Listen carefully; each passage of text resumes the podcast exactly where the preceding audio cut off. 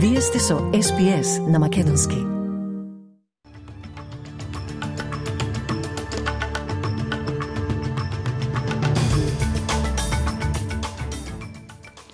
Од денешниот билтен вести издвојуваме.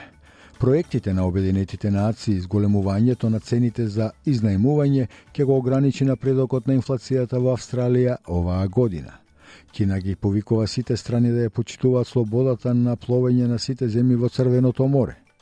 Контролори на летање и нивни помошници во македонската навигација се очекува да почнат да поднесуваат оставки од раководните позиции во НАФ.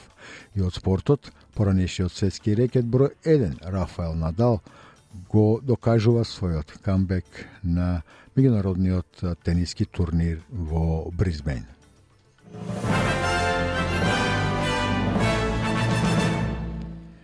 Проектите на Обединетите нации со зголемувањето на цените за изнајмување веројатно ќе го ограничат напредокот на инфлацијата во Австралија оваа година.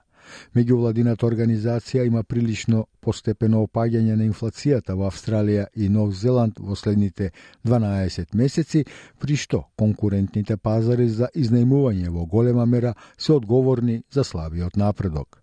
Во извештајот на Обединетите нации за светската економска ситуација и изгледите за 2024 година се вели дека инфлацијата се предвидува да остане релативно висока во Австралија и Нов Зеланд во 2024 година поради забрзувањето на цените на изнајмувањето предизвикано од недостиг на понудата на станови. Инфлацијата на потрошувачките цени во Австралија се очекува да се намали на 3,3% следната оваа година, според прогнозите на Обединетите нации, пред да падне на 3% во 2025 година. Годишно инфлацијата во Австралија порасна за 5,4% до септемврискиот квартал, што е намалување од 6% во јунскиот квартал. Шефот на либанскиот Хезболах вели дека, цитирам, не може да се молчи, затворен цитат, по убиството на заменик лидерот на Хамас во Бейрут на 4 јануари. Хасан Насрала го обвини Израел за убиството на шеикот Салех и предупреди дека неговите силно вооружени сили ќе се борат до крај доколку Израел одлучи да ја прошири војната од Газа во Либан. Israel's power is the force of deterrence. It frightens neighbouring countries and the people of the neighbouring countries. Everyone stops, surrenders, retreats, abandons their rights, fails, and gives in. That is Israel's story. It is the force of deterrence. It is the force of terrorism and fear. Во меѓувреме, израелските сили продолжија со воздушните и копнените напади против милитантите на Хамас во Газа и им порачаа на цивилите да го напуштат бегалскиот камп на северот од палестинската енклава. Израел кој речи си го уништи поесот Газа во обид да ја уништи владеачката група Хамас, ниту потврди, ниту негираше дека го уби Салех Арури во напад со беспилотно летало во либанската престолнина во вторникот, но низиниот воен портпарол рече дека македонските сили се во состојба на висока готовност и подготвени за секое сценарио. Кина ги повика сите страни да ја почитуваат слободата на пловење на сите земји во Црвеното море и да ги запрат нападите врз цивилните бродови.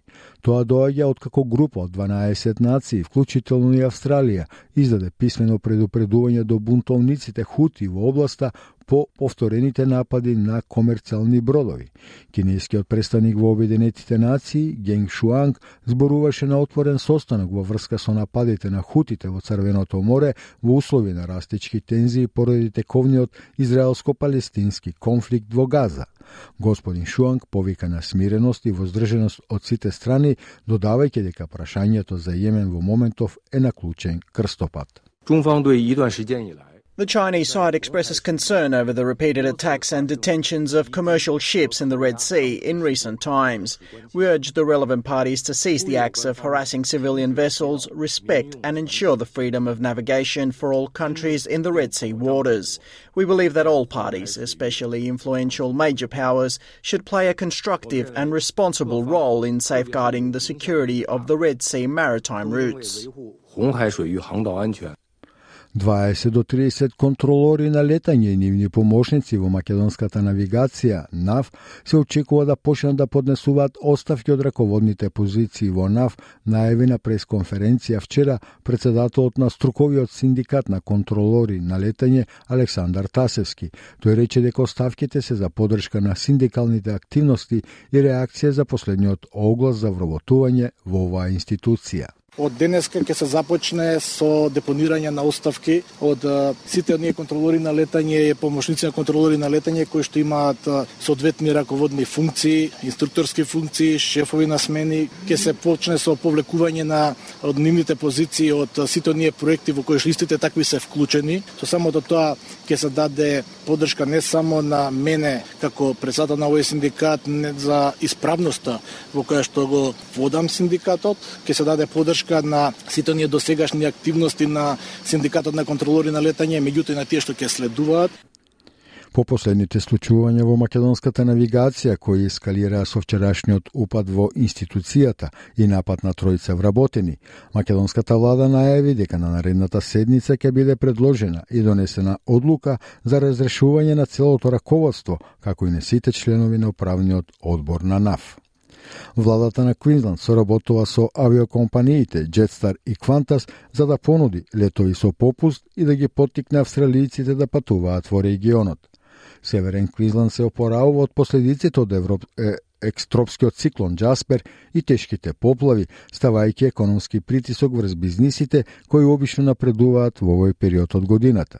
Премиерот на Квизланд, Стивен Майлс, изјави за ABC News Breakfast дека Кернс е подготвен и отворен за бизнис. Cairns and much of the state's far north, it's business as usual. Businesses are open. Unfortunately, there's not the number of visitors here that we're used to. This is peak season, peak tourism season, and that's why our focus today, our announcement today, is on getting more visitors here to Cairns in the state's far north.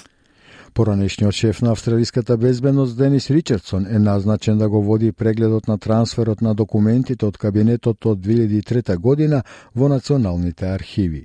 Се очекува прегледот да поднесе извештај во текот на следните две недели за тоа како предходната влада, предводена од Скот Морисон, не успеа да предаде 78 досиеја за одлуката на владата на Хауард да се приклучи на американската инвазија на Ирак. Од тогаш документите се пронајдени и дадени во архивите, додека одделот на премиерот и кабинетот го припишуваат неуспешниот трансфер на нарушување на пандемијата на COVID-19 во 2020 година и, цитирам, очигледни административни превиди, затворен цитат. Премиерот Ентони Албанези вели дека австралијците имаат право детално да знаат за процесот на донесување одлуки за Ирак. The National Archives of Australia should release all the documentation uh, that has been provided to them, uh, having account for uh, any national security issues, of course, upon the advice of the national security agencies. But there is no reason why these documentations should be, with the exception of putting people in danger, uh, should be not released in a transparent way. Австралискиот земјоделски извоз во Индија се зголеми за 50% во последната година, откако беше склучен договор за сол, слободна трговија меѓу двете земји. Зголемувањето на извозот на овчо месо, морска храна, граф, цитруси и бадеми исто така беше дополнително дополнето со зголемување од 30% на индустријскиот извоз, како што се фармацевските производи, дрвото и хартијата. Тарифите за повеќе австралиски извоз во Индија, вклучително и за морска храна, цреши, сандалово дрво и вино, исто така ќе ги направат бизнисите поконкурентни од 1 јануари. Австралиските бизниси заштедија преку пониски даноци на извозот во Индија во вредност од 15,2 милиарди долари помеѓу јануари и септември постапувањето во сила на договорот. Домакинствата заштедиле 145 милиони долари од давачки за увезена стока, како облека, постелнина и електрични делови. И од спортот, Рафаел Надал го докажа својот камбек по убедливата победа на турнирот во Бризбен над миленикот од домашниот град Джейсон Кублер. Во неговиот втор надпрар порече се една година надвор од тениските терени, Надал го совлада Кублер со 2 0 во сетови во четвртокот вечерта. Надал не само што покажа што го покажа својот незаменлив интензитет и железна волја, туку им покажа и на навивачите дека дури и на речиси 38 годишна возраст и по операцијата на колкот што му ја спасе кариерата, ги задржува изморените физички сили. Надал вели дека е среќен што излегува на терените и се чувствува силен. For me is uh, every day that I have the chance to to play is uh, is a great news. No? So uh, just happy for that. Just happy that I, I came back after a long time and I feel myself competitive. That's uh, all uh, what I what I want. And then let's see what's what's going on and how far I. Can.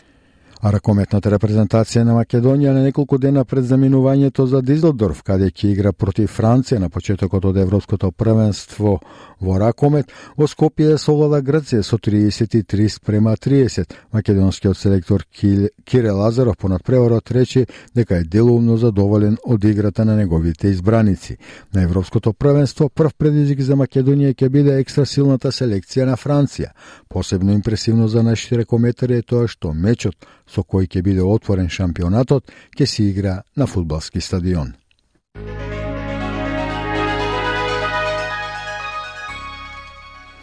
Од денешната курсна листа, еден австралиски долар се менува за 0,61 евро, 0,67 американски долари и 37,67 македонски денари, додека еден американски долар се менува за 55,90 македонски денари, а 1 евро за 61,11 македонски денари. И временската прогноза за поголемите градови во Австралија за сабота 6 јануари. Перт сончево со температура до 33 степени, Аделајд развојна врнежи од дожд, можна и бура до 32, Мелбурн претежно сончево до 30, Хобарт претежно сончево до 25, Камбера делумно облачно до 26 степени, Сидне облачно до 26, Бризбен врнежи од дожд со температура до 29 степени, Дарвин повремени врнежи, можна и бура до 34 и во Алис Спрингс кратки повремени врнежи со температура до 38 степени.